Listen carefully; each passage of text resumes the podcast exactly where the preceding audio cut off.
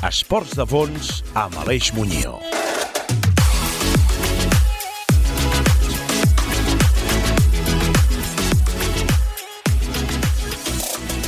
Benvinguts a 13, benvinguts a l'entrega 91 del programa dels esports de fons. 13. Repassem l'actualitat dels esports de fons, com el ciclisme en totes les seves modalitats, el triatló, l'esquimo, l'atletisme i el trail running.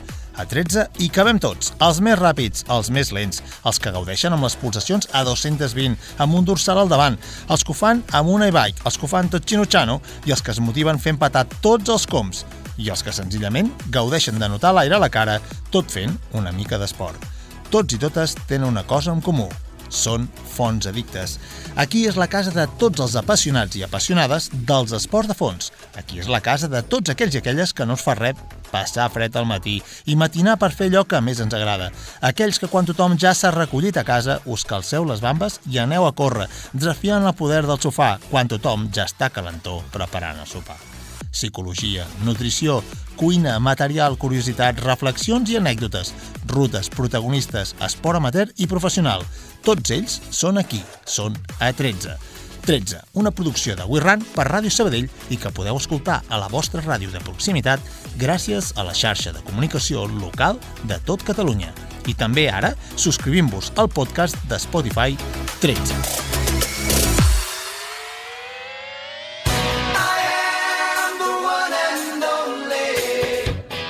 Tot just amb el canvi d'any, quan tots els esportistes i marques mostren els seus nous equips i col·laboradors, quan les marques i equips presenten oficialment els seus nous integrants, vàrem conèixer, via les pròpies xarxes socials, una notícia que no deixa de donar-nos un regust agradolç. El comiat del món professional de Miquel Blanchard, triatleta que s'havia especialitzat els últims anys en la llarga distància, després de més de 20 anys de carrera esportiva dedicada al triatló. Amb 36 anys, Miquel Blanchard de Sabadell tanca una etapa de molts èxits esportius, podis en Ironman, un campionat d'Europa de llarga distància, campionats estatals i infinitat de victòries i podis. La pandèmia i l'inexorable pas del temps en un esport minoritari i sense els recolzaments necessaris l'han precipitat a aquesta presa de decisió. El Miquel es caracteritza per la seva resiliència, per la seva humilitat, per la seva constància. Això l'ha seguit durant aquests 20 anys de carrera i això el segueix ara, que ja no es posa un dorsal. Allà on estigui el Miquel, farà i serà tal com l'ha fet la seva essència. I des d'aquí a 13 li desitgem la millor de les sorts en aquesta nova etapa. En breu el tindrem aquí als micròfons i podrem parlar amb ell, que és el que l'ha pres aquesta decisió, i fer un escandall de tot el que ha estat la seva carrera esportiva. I recordeu que fins al dia 31 de gener teniu un motiu més per moure-us, el repte solidari que des de 13 impulsem i recolzem. La Cap d'Any Virtual Race, una campanya solidària que recull recursos econòmics per al Parc Taulí de Sabadell. I com podeu fer-ho? Registreu amb una app un recorregut de 5 o 10 quilòmetres corrents, o caminant. Inscriviu-vos a capdanrace.cat i feu el donatiu que desitgeu. I per validar el rànquing, envieu el comprovant del vostre registre d'activitat a hola.capdanrace.cat. Inscriviu-vos-hi capdanrace.cat. Tot el que doneu donatiu serà per al Parc Taulí. Aquest Nadal, Cap d'en Reis virtual. Cap d'en Reis virtual. Totalment gratuïta i 100% solidària. Mou-te i corre per l'Hospital Parc Taulí de Sabadell. Dóna suport a la primera línia vers la lluita per la Covid-19. Corre on vulguis. Corre a casa, al carrer, al gimnàs, a la cinta, corre per la muntanya o per la platja, corre pel pati o per les escales. Corre i mou-te pel taulí. Cap d'en Reis virtual. Del 22 de desembre al 31 de gener, inscriu-te i registra amb la teva app favorita un recorregut de 5 o 10 quilòmetres. La teva inscripció serà donada íntegrament a la Corporació Sanitària Parc Taulí de Sabadell. Inscriu-te i fes el teu donatiu a capdanreis.cat capdanreis.cat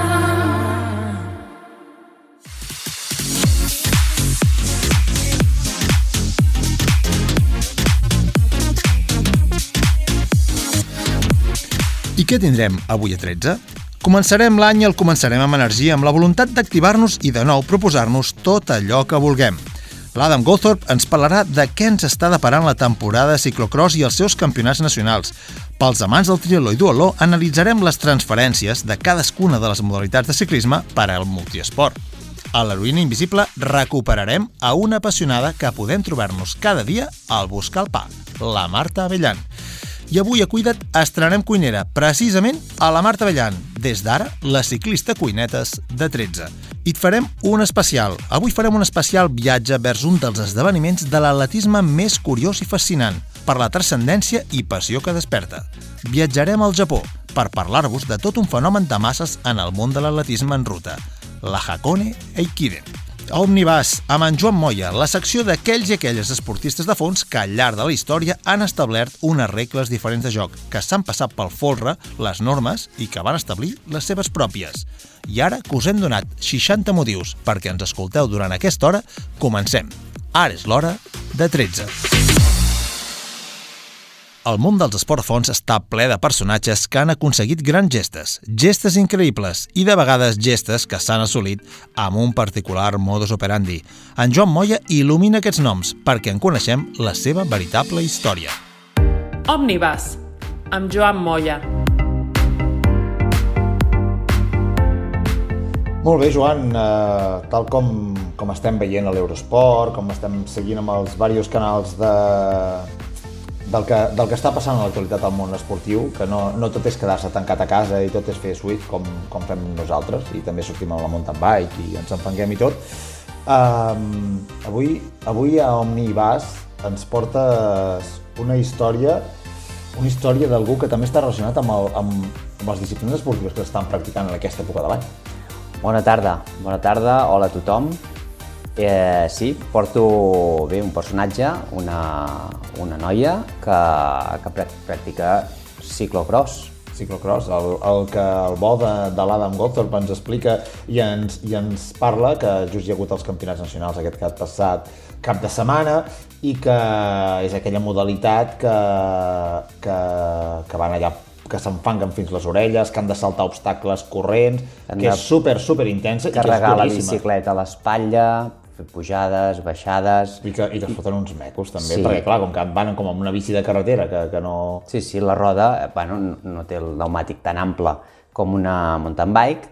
Però clar, és com una bici de carretera sí. amb un pas de roda una miqueta més ample, amb una miqueta de taquets i apa, tu. Sí, sí, i casualment sempre els circuits estan molt enfangats i, i bé, sempre hi ha les típiques escales, els típics obstacles, no? i unes rampes que, o, que no poden eh, fer sobre la bicicleta, se l'han de carregar a l'espatlla i això doncs, és el més icònic d'aquesta aquest, disciplina. No, ens hem d'imaginar ciclistes eh, enfangats fins les orelles, recorreguts de fang i de neu i tot, per tant, els països que potser tenen més tradició de ciclocross... Sí, són els països eh, nòrdics de bueno, Europa... No, nòrdics, digue-li nòrdics, digue-li, doncs, no sé, eh, els països eh, Bèlgica, Holanda, que Alemanya... Sí. Que és on estan, al nord d'Europa, potser? Sí, sí, clar, estan cap allà, a dalt, a la dreta, ah, a dalt, a la dreta.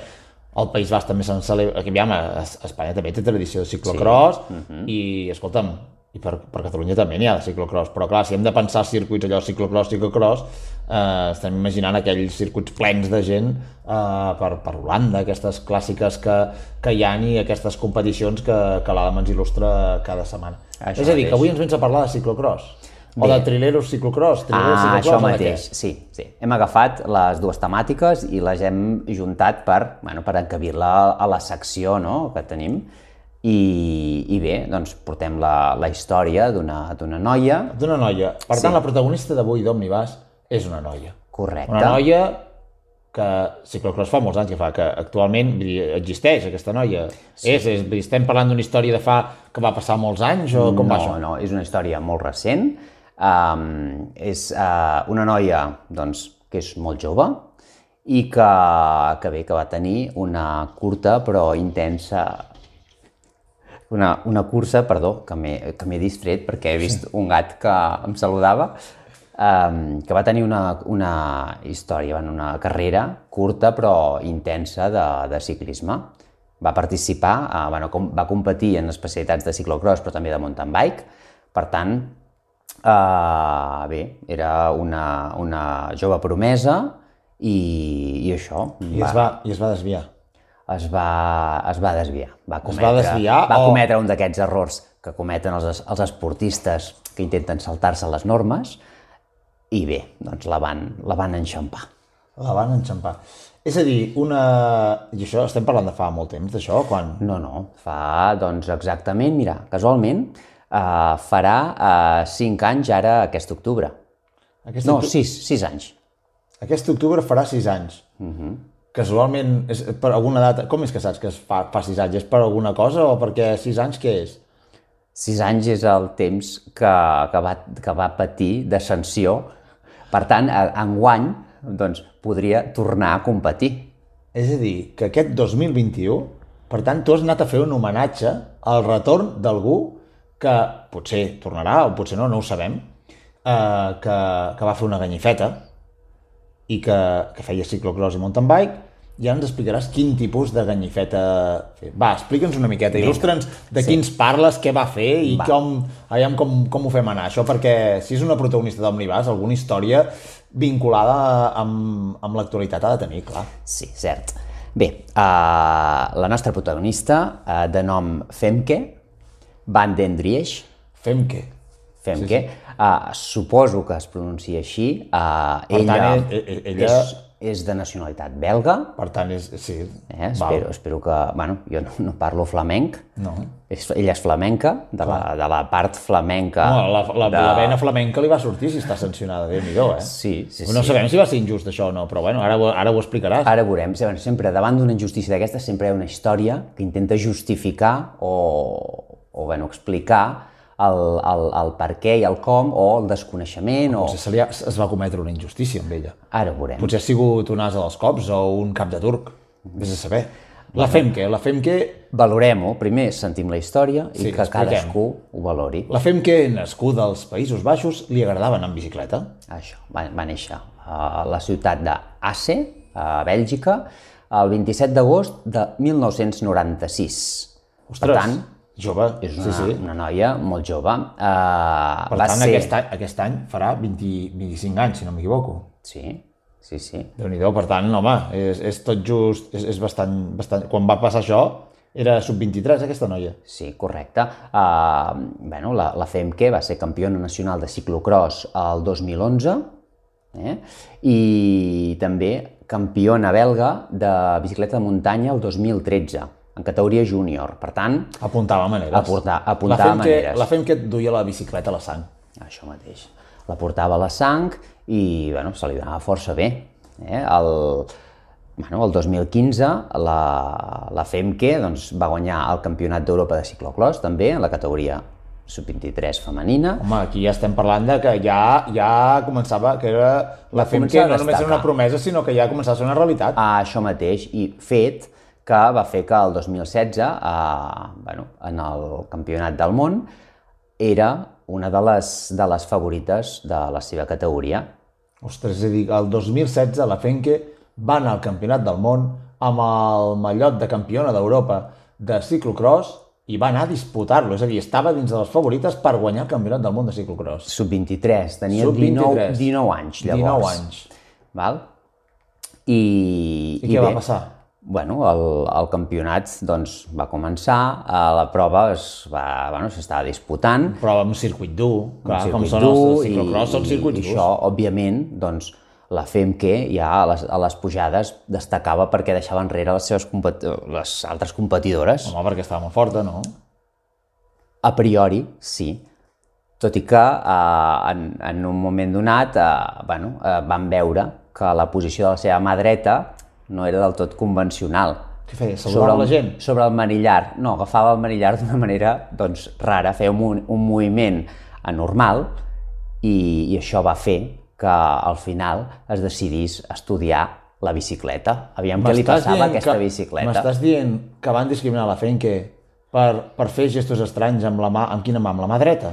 Amb amb la la, mà- mà del canvi dels pinyons. Clar, amb bici de carretera, la mà dreta és la del canvi dels pinyons. És a dir, que feia moviments estranys amb la mà dreta. Això mateix. Ei, vull dir, podien haver-li examinat la mà dreta, però Exacte. li van examinar la bicicleta. Podia, quina- podia no quina- haver passat res. Però això, però titlla'm a mi de- d'ingenu.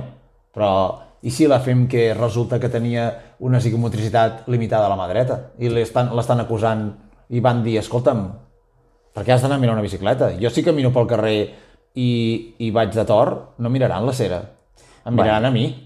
De fet, uh, no, no va ser acusatori, sinó anem a veure què, què passa. Uh, la Unió Ciclista És a, dir, és Internacional... a dir, que vam... Que... No, vam no, perquè jo no hi era de jutge. Jo no hi era de jutge. Però van veure quelcom molt sospitós i van dir, escolta'm, anem a estudiar la bici de la FEMQE. Correcte. I què va passar? Aviam, el que et comentava, la UCI, uh, fins llavors... sí, la Unitat Ciclista Internacional. Això mateix, la, la, la, la, la, bueno, això mateix que has dit, doncs eh, en altres proves ja feia anys que sospitava doncs, del que es diu el dopatge o frau tecnològic, que consisteix, consisteix en això? ajudes mecàniques eh, i, i no és un dopatge físic, sinó és doncs, ajudes eh, no permeses a, a la bicicleta Que, què vol dir això? però seria? no havíem pogut, no, no havíem pogut demostrar mai. Fins que doncs, bueno, es van trobar amb aquest cas sospitós i van decidir doncs, fer una anàlisi de, dir, de la tenien, bicicleta. tenien la mosca sota el nas, la UCI. Sí, sí. I què creus que va passar? Doncs que van trobar eh, que sí, que òbviament la bicicleta de la Femke doncs, tenia un petit motoret elèctric que accionava eh, amb la seva mà dreta i que és el que feia que a les pujades doncs, deixés enrere eh, de forma descarada a les seves competidores. M'estàs dient que la FEMQE va ser la precursora de la Z-Bike i com, a, i com tots els genis quan, quan apareixen són uns incompresos i els tillen de, de tramposos i d'il·luminats? Sí, vols, vols sentir la seva excusa? Sí, digue'm. Bueno, excusa, la seva explicació. Eh, Això mateix. Clar, perquè aquí, escolta'm, la FEMQE estava fent un avenç tecnològic sí, pel no, món. no, no vull tornar-la a jutjar. Exacte. Bé, doncs, uh, Què va dir la FEMQE? Perquè, clar, la, va... La- aviam, no ens enganyem. La van pillar eh, de ple. de ple, totalment, totalment. És a dir, no és que ell- tingués la mà guerxa, tu. No, no, ella, o sigui, no és que no anés amb una bici uh, amb un motor elèctric. No va dir pas, jo no he anat amb una bici amb un motor elèctric, perquè l'havien enganxat. L'havien enxampat amb, amb la mà dreta, eh, Clar. les manos en la massa, no, amb la mà dreta, el pulsador que accionava aquest, aquest motor. És a dir, que clar, en un campionat del món hi ha càmeres. L'any 2016 la televisió en color ja existia. Correcte, sí, Per sí. tant, i, i, la, i la retransmissió en directe d'un campionat del món de ciclocross ja existia. Sí. Amb la qual Imagina't, cosa, a- a- i si sigui- estàs disputant a davant de tot, et, es, les càmeres, et filmen. sí, tots els centres d'atenció i, òbviament, tots els, els telespectadors podien veure doncs, aquest moviment anormal que feia amb la mà, amb la mà dreta. Possiblement, eh, els jutges van decidir mirar-ho perquè, doncs, mira, la gent fa tuits, no? Clar, I, el 2016 hi havia Twitter. òbviament, sí, sí. Doncs com dèiem, la, la, la FEMCA, la FEMQE, perdó, va dir que... Fem, fem que pari, Fem, fem, fem, fem que pari, fem que pari, perquè... Però escolta'm una cosa, la van fer parar al mig o va acabar la cursa No, va no, va, va acabar, va acabar. La, la bicicleta, eh, ella va dir Sí. eh, que la bicicleta no era seva. Ah, no? No, no, no. T'he dit, dit que havia fet eh, la competició amb la bicicleta, però va dir mm, que no era seva, Ah, no? que ella no faria mai trampa. Escolta'm una cosa, què passa? Va, va sortir a córrer amb una bicicleta sense adonar-se Que no era la una seva. professional surt a competir amb una bici que, que de cop i volta al final de la cursa diu és que no és la meva me- bici. Sí, però ara que m'heu pillat us dic que no era la meva. Que jo, jo mai... Jo mai... no me n'he adonat, jo anava pedalant, no mirava la bici. Sí, sí, jo mai faria Potser per això feia coses estranyes amb la mà, perquè clar, quan tu vas amb una bici que no és la teva no estàs acostumat. Clar, pot, potser buscava... Ostres, Clar, com es canvia aquesta sí, bici? sí, que aquesta no és la meva. Sí, la maneta la tinc més Atureu-vos amb els factors! M'heu donat una bici que no és la meva! Clar, imagina't, qui para a, a, a mitja competició a dir... I diu, "Doneu-me la meva bici." Tornem a començar, que aquesta no és la meva. Aquesta no és la meva bici. Clar, amb, la, amb tot el trajín de la competició, la pobra fem que diu, escolta, ja que em trobo aquí amb una bici que no és la meva, jo segueixo endavant. Clar, i ja de passo, pues, a, a, adelanto a I si, tothom. I si trobo un botó, doncs apreto. Ah, clar, aviam què serà això. Clar, és que potser aquesta bici va diferent. Potser estava experimentant, no? Clar, pobra Sí, sí. Femke. No, doncs la Femke, això. És a dir, que acaba i diu, aquesta bici no és la meva. Sí, va dir que la bicicleta eh, era, era d'un amic. Era Ah, un amic ah, que, tant, tenia, que no la és- tenia idèntica a la seva. Ah, per tant, la bici no era seva, No era però seva. ella sabia que era d'un amic. Per Sí. tant, sí que li era familiar aquella Perquè, bici. perquè és que, a més a més, era idèntica. Clar, és que si no, si no és idèntica... Clar, escolta'm, Ja- ja escolta'm, no cola. vulguis no saber tu, que no sigui que, que li van voler fer una ganyifeta amb ella mateixa. Doncs no ho sé. Una mica allò el típic que dius, ah, vinga, et ficarem una galleda damunt de la, de la porta. Sí. Bueno, això que es feia abans, ara ja no es fa perquè, clar, podries desnocar algú, però abans sí que es feia, això. Abans O el típic de treure una porta i quan entres al professor que li caigués. A sobre. Sí, per, Sí. Per, per riure, eh? Per riure, clar. Però ara, en un campionat del món d'entrar professors en una classe no ho faries, això. Mm Doncs això, es veu que la seva amiga, o el seu amic, va deixar la bicicleta, després de fer-la servir, la va deixar recolzada a, a la furgoneta. I, doncs, el mecànic, què va fer? Doncs la va netejar, la va repassar, la va preparar per la cursa, Li va posar el dorsal de la Femke. Ah, va, li va posar el dorsal a la Femke i li va dir, aquesta és, és la teva. I això, ella... Una bici de la mateixa talla, amb tots els components i tot. Estem parlant d'una persona que fa que va al campionat del món, per tant, el 2016, que té un mecànic, que té el seu box, és a dir, que ja accedir al box ja és una miqueta complicat, que passes una verificació de material, que la teva bici té tot un material molt específic, que és de competició, i resulta que un amic entra, li deixa una bicicleta idèntica amb el mateix material que tenia ell, carai, quin amic, no? Perquè... Bé, bé, és molta casualitat. I si jo tinc un amic que té la mateixa bicicleta que jo, I com s'ho fa per entrar fins allà dins? bueno, òb òbviament, si jo sé que les dues són iguals, doncs eh, procuraré distingir-les o, o, o, o, o agafar la meva, vull dir, que si, si no ho sé, que, que la tenim igual, pot ser que em confongui, però si sé que la tenim igual, òbviament, hi haurà alguna cosa... Una cosa és un dia que surts de casa i quedes amb algú per sortir, quan surts de fer el cafè en un bar si pares, agafes i t'equivoques i dius, ui, he agafat la teva bici. Però clar, Joan, tu i jo tenim la mateixa bici. Sí, i no ens l'hem confós mai, No que m'he no, confós mai, i jo no apreto botons estranys. perquè no els tinc. Clar, no els tens. Bueno, el canvi és elèctric, però és diferent. Sí. És el canvi, no va amb motoret la nostra no, bici. no va motoritzada. Va, va, va, va potser... Primer va dir això, va dir, escolta'm, un amic m'ha fet això. I què?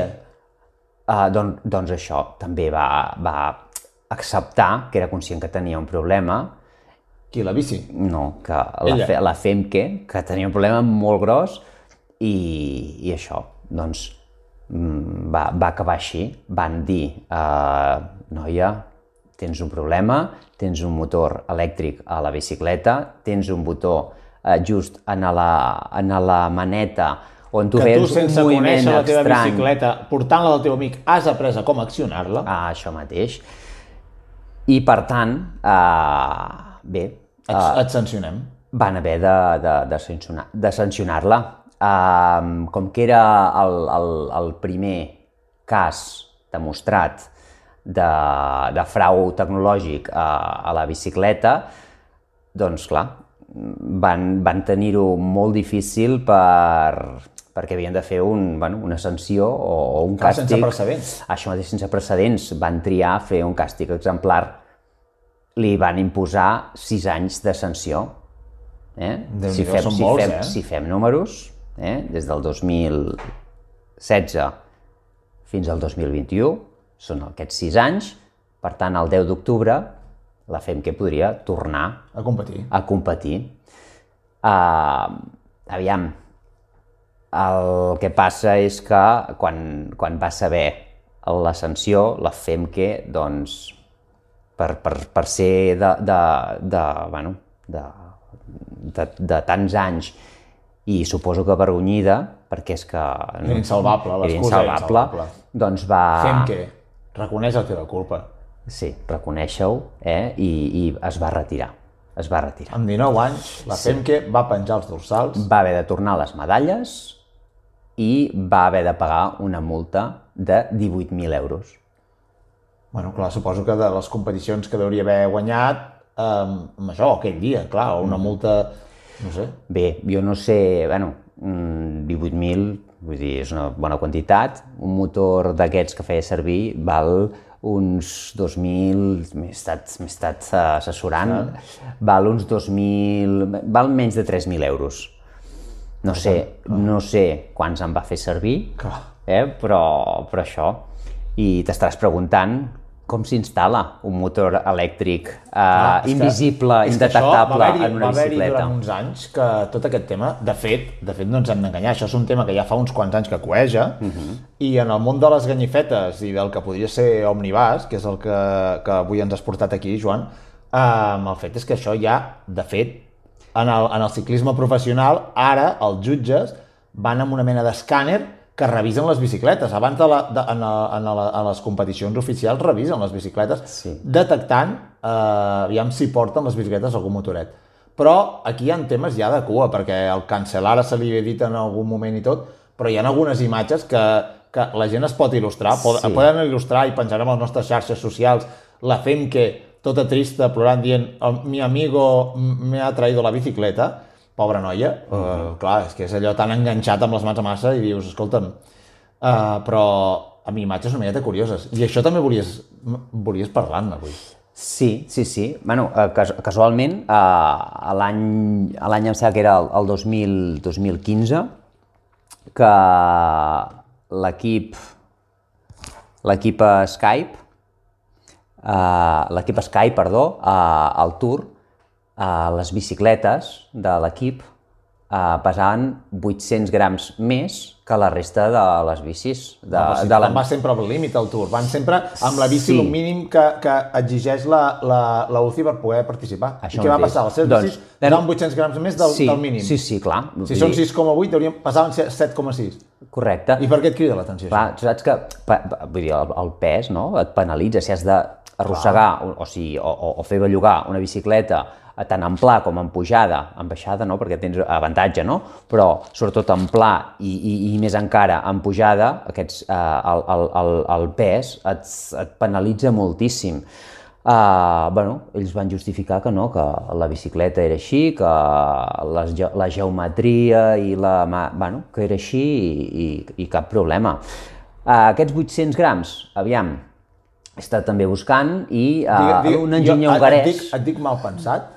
No, no, no, això és, és, és públic. Uh, el, I l'enginyer hongarès que va desenvolupar la tecnologia d'aquests motorets, doncs... Però ara per què em relaciones? Un, un dissenyador hongarès amb motorets i, i les bicis de l'equip Sky, que l'any 2015 anaven amb unes bicis eh, 600 grams, 800 grams més pesades. perquè casualment aquest motor d'aquest enginyer hongarès que manifesta que sí, que, que l'ha venut, a, a, a, no ha dit noms, eh? I no ha acusat a ningú de que el faci servir, però ha dit, jo, jo L'he a, tal, a tal país, a tal altre i a tal altre, l'he venut. I casualment pesa, saps quin pes té aquest motoret? No, digue-m'ho, digue-m'ho. No vull ser mal pensat i començar a fer associació d'idees. Doncs mira, casualment pesa els 800 grams de diferència que hi havia de més de, a les bicis de l'equip Sky a la- a l'any 2015 al Tour. M'estàs dient que potser aquí estàs aixecant també una llebre? Sí, presumptament. Presumptament. I presumptament també hi ha unes imatges, oi? Sí. Bé, eh, també he estat fent una mica de recerca i he vist moltíssimes imatges de, de ciclistes que quan tenen una caiguda les bieles eh, es continu, continuen girant o, o que la roda del darrere, sobretot també, eh, que es va, es va movent quan, quan, quan, quan ha caigut, però movent-se, no allò que queda la, la, la roda i acaba amb la inèrcia, sinó t'estic dient que continua girant i, i com que toca una mica al, al terra, que fa desplaçar la bicicleta a terra sense el ciclista i se'n va eh, una mica la, la bicicleta girant.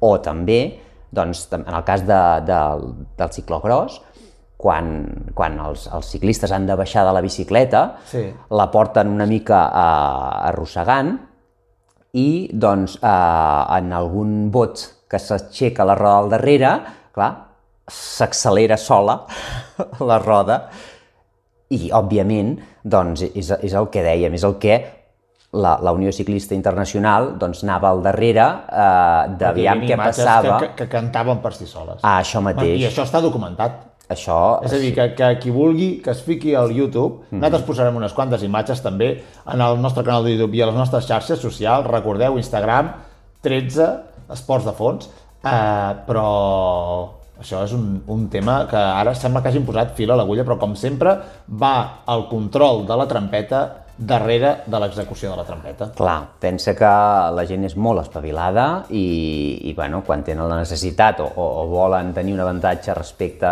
de, dels altres, doncs n'hi ha que fan, fan aquestes trampes, però sempre, sempre doncs, eh, s'acaben eh, trobant eh, per fer doncs, eh, l'esport doncs, més just. Doncs molt bé, uh, Joan. Avui ens has explicat històries de la FEMQE, però també ens has explicat una història d'una ganyifeta més global en el món del ciclocross i del ciclisme. Uh, T'espero la setmana que ve, aviam què és el que porta, perquè el d'avui, uh, això venen ganes de seguir mirant vídeos i, i, i informar-se'n, perquè hi ha molt fato d'aquí, molt fato. Molt Joan, moltes gràcies. Vinga, doncs continuarem. Continuarem la setmana que ve. Gràcies a tu. Segueix els esports de fons a 13 Spotify.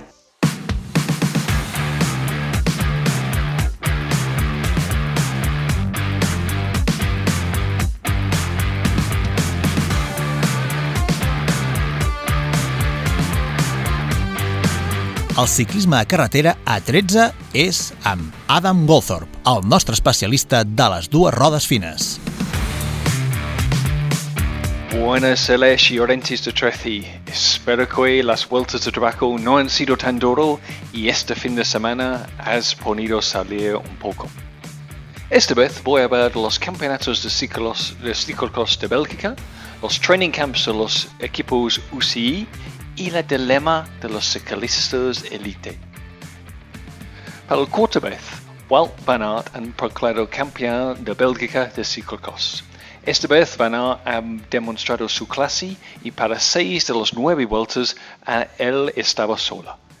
En el momento de cruzar la línea, Van Aert se puso su dedo gordo en la boca y dedicar la eh, victoria a su nuevo hijo y claro, su mujer también.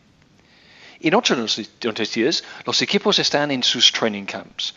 Los de Rema Emirates, con el actual campeón del Tour de France, Taga Pogacar, están en Dubai. Y esta semana hemos visto todo el equipo recibiendo sus inyecciones de COVID. Yo personalmente espero que todo esto sirva que tengamos este año un calendario lleno de carreras y el público pueda ver algunos en directo. En, en Dubái también ha llegado la última fichaje del UI, el Swiss Michael Erch. La semana pasada, te- eh, ti- eh, Team DSM, antiguamente Sunweb, anunció su salida sin dar explanaciones. Ersk eh, ha terminado un temporada fantástico y creo que él y Poja- eh, Pogacar podrán, eh, podrán ayudar cada uno mutuamente este año. Por último, la semana pasada hablé del dilema de los ciclistas, Olimpiadas o Tour de France. Bueno, las cosas cambian rápido hoy en día. Parece que los jefes han pensado mejor y ahora los ciclistas pueden hacer los dos. Con solo cinco días de cuarentena pueden ir los Olimpiados si eh, acabando el Tour de France. No sé qué van a hacer, pero tenemos que esperar. Hasta la próxima. 13. Els esports de fons a Ràdio Sabadell. Bones, Aleix, i benvinguts a una nova secció del programa 13, anomenada El Tercer Temps. Soc en Sergi, llicenciat en Ciències de l'Activitat Física de l'Esport a la Universitat de Barcelona, entrenador personal titulat per la Federació Espanyola de Fitness, jugador i amant de rugby. D'aquí el nom de la secció. Durant aquests minuts parlarem de la suplementació esportiva i alimentació. Avui comencem i no hi ha millor manera de fer-ho que amb un suplement esportiu top i amb més estudis científics, la famosa i estimada creatina. Per mi és el rei dels suplements. Primer de tot ens preguntarem, què és la creatina? És una substància natural que el nostre organisme és capaç de sintetitzar. Està composta per tres aminoàcids, metionina, arginina i glicina. Els aminoàcids són els maons que construeixen i formen les proteïnes.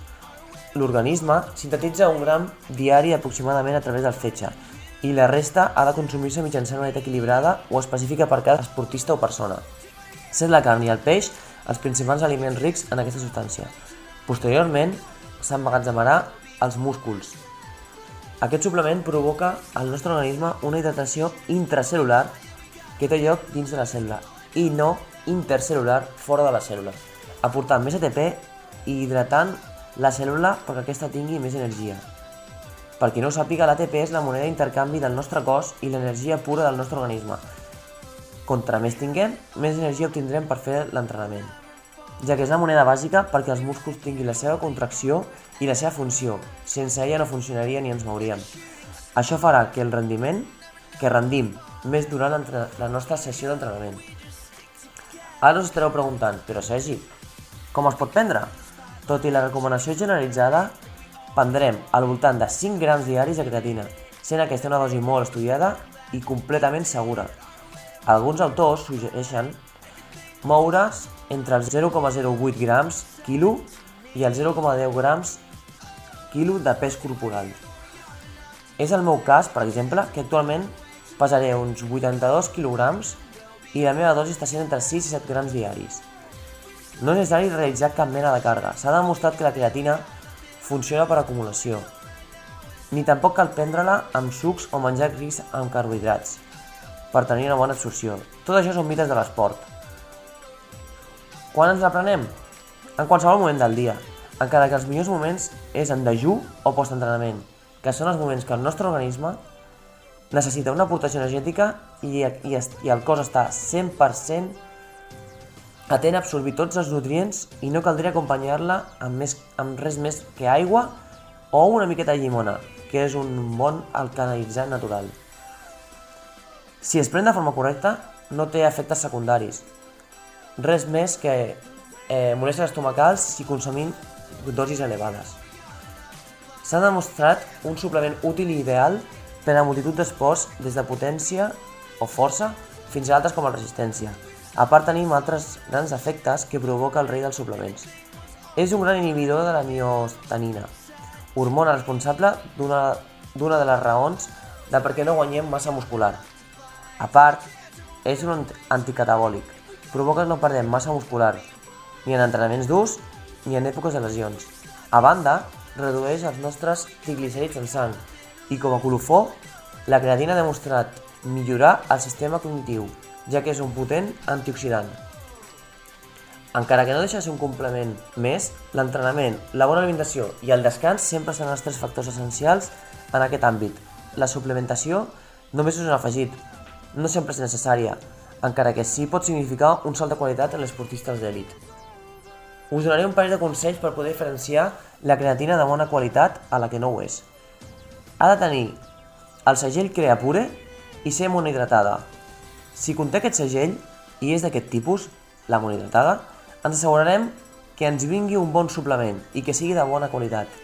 Fins a la data, la creatina monohidratada és la millor que ha donat resultats. La podeu comprar en pols o en pastilles. Per acabar, m'agradaria comentar que per prendre qualsevol suplementació cal realitzar una dieta específica o planificar un entrenament per a aquest tipus d'objectiu. Us acosteu a un bon professional que us guiï i us realitzi un pla personalitzat per vosaltres. La salut és el més important. Res més, Aleix. Esperem que us hagi agradat. Salut, esport i rendiment. Adeu!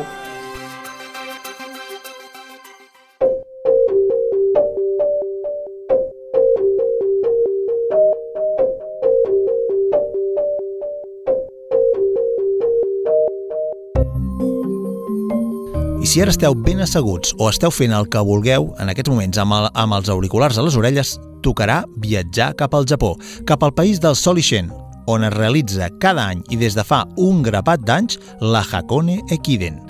Ekiden alguns de vosaltres coneixereu que és la paraula que donem quan una cursa es fa per relleus. Però són uns relleus una miqueta especials. Però el que sí que és especial és la Hakone Ekiden, un fenomen de masses d'atletes populars, entre cometes, que passa al Japó. Avui a 13 viatgem i coneixem la Hakone Ekiden. Doncs avui en aquest especial eh, d'aquí a 13 volem parlar d'un dels esdeveniments esportius anuals més populars del Japó. I qui, qui ens acompanyarà també aquí per poder-ne parlar? A Catalunya i a Espanya i hi han, per acomiadar l'any, hi ha la Sant Silvestre. Uh, hi han les curses de, que n'hi ha que diuen la cursa dels nassos, n'hi ha que diuen Cap d'en Reis, n'hi ha que diuen l'última cursa, la cursa del dia 31. I el que passa és que a Japó, a Japó, la seva manera d'acomiadar l'any, més ben dit no seria acomiadar, seria, seria dir-li dir, -li, bon, bon any, seria la Hakone Ekiden. I què és la Hakone Ekiden? És un dels esdeveniments esportius anuals més populars del Japó. Hem de remuntar-nos a anys i anys des que va sortir, però traslladar-nos al passat dissabte 2 de gener. Del passat dissabte 2 de gener al diumenge 3 de gener, uns quilòmetres més a l'est d'on vivim, es va produir un aconteixement esportiu que mou i desperta unes passions que tots i totes els esportistes populars que ens escolteu segur que us sorprendrà. La Hakone Eikido. 生にして憧れの山登りに抜擢されました山の大東復活のその力になりたいと意気込んで1年目からチャンスを Sí, el que heu sentit són els locutors. Els locutors apassionats de la Hakone Ekiden. Heu de pensar que la Hakone Ekiden és una cursa per relleus. Joan, explica'ns què és aquesta, la Hakone Ekiden, una miqueta. Què és aquesta cursa? Aviam, la, la Hakone Ekiden és una cursa de, de llarga distància, de, de 200 quilòmetres, i que es, es, es fa per, per relleus. Uh, hi participen un total de 21 equips que, bueno, que estan preseleccionats per haver acabat doncs, els anys anteriors doncs, uh, l'edició en funció de, de la classificació. Abans de submergir-nos una miqueta en la seva història, però hauríem de... és important que coneguem què és la Hakone Ekiden, perquè la veritat, Joan, és que nosaltres la Hakone Ekiden, abans de, de buscar una miqueta o que ens arribés, no en teníem ni fava de què era la Hakone Ekiden. Doncs sí, ni, ni, Una- ni idea. Una, una, una cursa que sigui quina sigui la seva modalitat, sí que és d'esports a fons, i que resulta que segueixen més de 65 milions de persones. 65 milions de persones són molta gent. Que hi hagin 65 milions d'audiència seguint un esdeveniment esportiu ho posa al nivell de la Super Bowl o de qualsevol esdeveniment esportiu dels més grans que hi ha al planeta. Mira, anem a, anem a explicar una miqueta què és això de l'Equiden. Equiden, que a vegades aquí a Catalunya algú en pot saber, eh, deu haver sentit Marató Equiden, tot, què és? Equiden és una cursa de relleus de llarga distància. Va néixer al Japó, al 1917. De totes les seves modalitats, la més coneguda és la que us portem avui, la de Hakone Ekiden. Una competició que se celebra els dies 2 i 3 de gener, en la qual, com bé deia el Joan, participen equips universitaris de la regió de Kanto, allà al Kanto, al voltant de Tòquio, i compta més amb la distància més llarga, una mica de 200 quilòmetres, has dit que eren, què? 200... 207 quilòmetres. I participen un total de 21 equips. Com bé deia el Joan, 10 d'aquests equips ja estan preseleccionats per haver acabat en els primers llocs de l'any passat. Hi ha els altres 10 que aconsegueixen la seva classificació a través d'una carrera prèvia de 20 quilòmetres anomenada Hakone Ekiden Yosenkai, que té lloc a l'octubre. Al costat d'aquests equips surt un equip de competició oberta que està formada per corredors de diferents universitats que no han guanyat el dret de participació, és a dir, els que no s'han guanyat l'eslot. Així mateix, cada equip està conformat per 10 corredors oficials i un màxim de 6 reserves. Pel que fa al recorregut, els atletes van i tornen entre Tòquio, el districte d'Otemachi, i Hakone. Aquí ve el, el Eik- Hakone Ekiden, Clar, clar. això mateix. Uh, es divideix en cinc seccions cada dia. És a dir, és una, com una cursa per etapes, de dos dies. Mhm. A causa de la geografia, per això, de, del recorregut, la distància que cal recórrer varia del primer dia al segon, és a dir, la distància del primer dia és eh, de 108 quilòmetres, mentre que la distància del segon és de 109,9, gairebé 2 quilòmetres més. Cada corredor participa en un tram i ha de passar-li eh, al seu eh, company que li està esperant al següent, eh, a la següent estació. Eki, d'aquí el nom Ekiden. Per tant, Eki és estació. Això mateix. La Tasuki, una banda eh, que simbolitza la unitat de l'equip. És a dir, a cada eki es passen la Tasuki. Per tant, dues paraules molt importants que aprenem avui en japonès. Eki, estació, Tasuki, banda, que simbolitza l'unitat de l'equip. Ah, això mateix, durant la carrera cal penjar-se eh, eh, en diagonal eh, des de l'espatlla fins a l'aixella oposada i llançar-la quan es fa el lliurament eh, suposa a la desqualificació de, de l'equip, per la qual cosa s'ha de lliurar en mà i això és una regla eh, inviolable.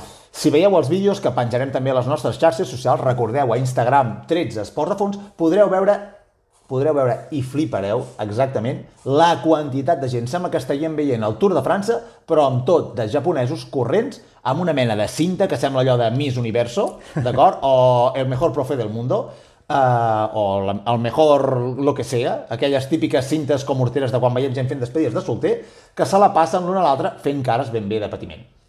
D'altra banda, una vegada que el primer corredor arriba a la següent equi, la següent estació, els altres han de donar el relleu en menys de 20 minuts. Si no ho aconsegueixen, el següent corredor de l'equip ha d'iniciar el seu tram i ho farà amb una Tasuki substituta.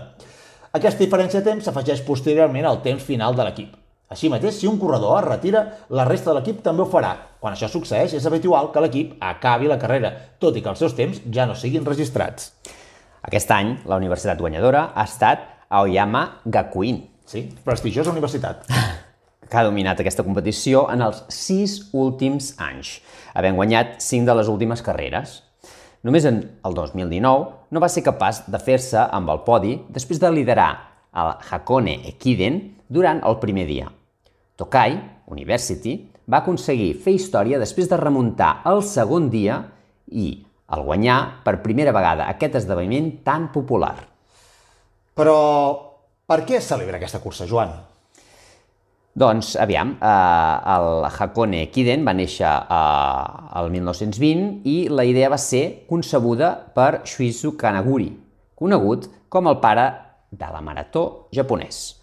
Ell va participar en els Jocs Olímpics d'Estocolm de l'any 1912. déu Tot i que va haver d'abandonar la cursa, Kanaguri va voler traslladar el seu entusiasme per l'esport al seu país. És a dir, el senyor Kanaguri era un motivat i va dir, jo he anat a uns Jocs Olímpics, m'he hagut de retirar la marató, però he flipat tant que jo vull que aquesta passió que he viscut, aquest, el que són uns Jocs Olímpics, la gent ho visqui. Això mateix. Doncs què passa? Doncs que l'exitosa celebració del primer Kiden el 1917 entre Sanjo Ohashi, Kyoto i Ueno Shinabazu Noike, Tòquio, per commemorar els 50 anys de Tòquio com a capital del Japó, va ser el que Kanaguri va necessitar per posar en marxa el seu projecte. Persuadia moltes universitats de córrer en la cursa que ell estava organitzant i, com a resultat, la Universitat de Waseda, la Universitat de Keio, la Universitat de Meiji i la Universitat de Tòquio, Koshi, van respondre a la seva oferta i així va ser com va néixer la Hakone Ekiden. Des de llavors, el Hakone Ekiden ha anat creixent al llarg de les dècades fins a situar-se en una posició central dins del món de les carreres de llarga distància al Japó i en els últims 20 anys s'ha convertit també en un fenomen cultural. Tota la cursa es retransmet per la televisió, nacional obtenint la major quota d'audiència televisiva de qualsevol altre esdeveniment o programa de tot l'any al Japó. Moltes famílies es reuneixen per veure juntes la cursa, per no parlar de les milers de persones que s'alineen al llarg del recorregut per animar els corredors. És a dir, que la Hakone Ekiden és realment un fenomen de masses que no en teníem ni fava que existia i acabem de descobrir el fenomen que més de 65 milions de japonesos segueixen i que realment nosaltres hem estat veient els vídeos i és impressionant. Hi ha els típics vídeos èpics, eh, us, us, us convidem a que veieu el vídeo aquest èpic de, del noi que arriba a coix amb tot l'equip que l'està esperant, perquè clar, és una cursa per relleus, mm. és un esport individual fet per relleus, que és aquesta cosa que tenen eh, qualsevol disciplina per relleus, i més quan ve d'un esport individual, eh, ho fa realment màgic, perquè quan tu estàs per, en un equip eh, ho dones tot, ho dones tot, perquè clar, dius, ostres, jo potser afluixaria, però clar, ho faig pels meus companys. Us convidem a que veieu el vídeo que, que hem penjat, perquè és realment èpic. Estem acostumats a veure vídeos de, de grans, poesa, grans proeses i més aquest esperit una miqueta com eh, nord-americà, anglosaxó, del never give up i tot, però veure des de l'altra punta de, de vista, de l'altra punta del món, com poden ser els japonesos i tot, ens ha realment frapat. Uh, nosaltres uh, ens hem fet fans del Hakone Ekiden. L'any que ve, el 2 i 3 de gener, no sé si ho estarem veient, de- Joan, però, però de- com a mínim ho seguirem una miqueta més. Sí, ja no som uni- universitaris, no, ja no som ja- universitaris. japonesos, però... No, no, jo crec que en l'equip aquest obert no ens convidaran. No, no crec. Però, uh, bueno, som, bueno, ens, hem, ens hem fet fans. Ens hem fet fans. Uh, Hakone Ekiden addictes, uh, no sé si ho sereu, però nosaltres ja ens n'hem fet.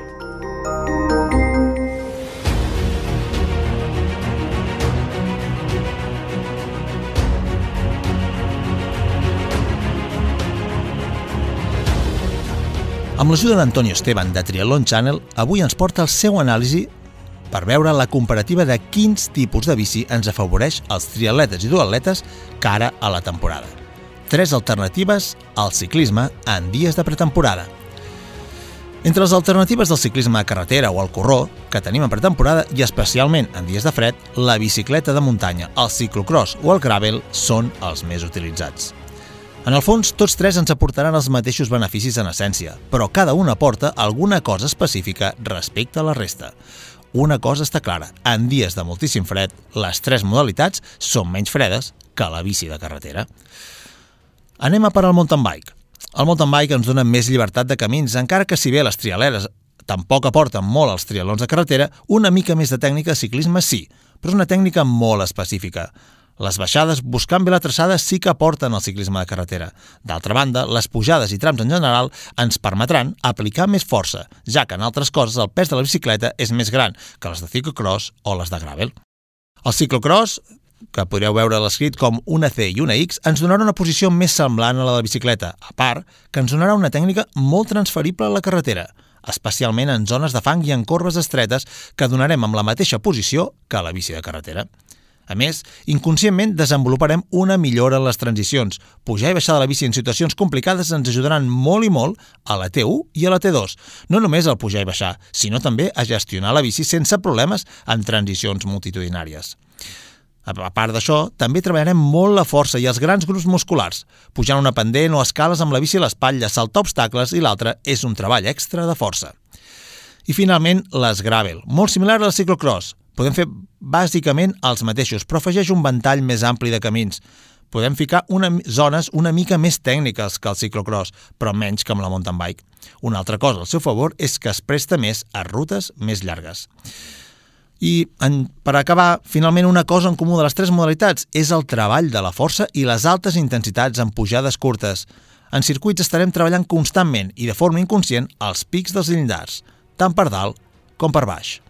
Per tant, ja ho sabeu, tant si teniu una mountain bike o una bici de ciclocross o una de gravel, les transferències vers el duoló i el triatló seran absolutes i ens permetran gaudir més de la bicicleta i fer-ho sobretot en aquests dies de tan fred.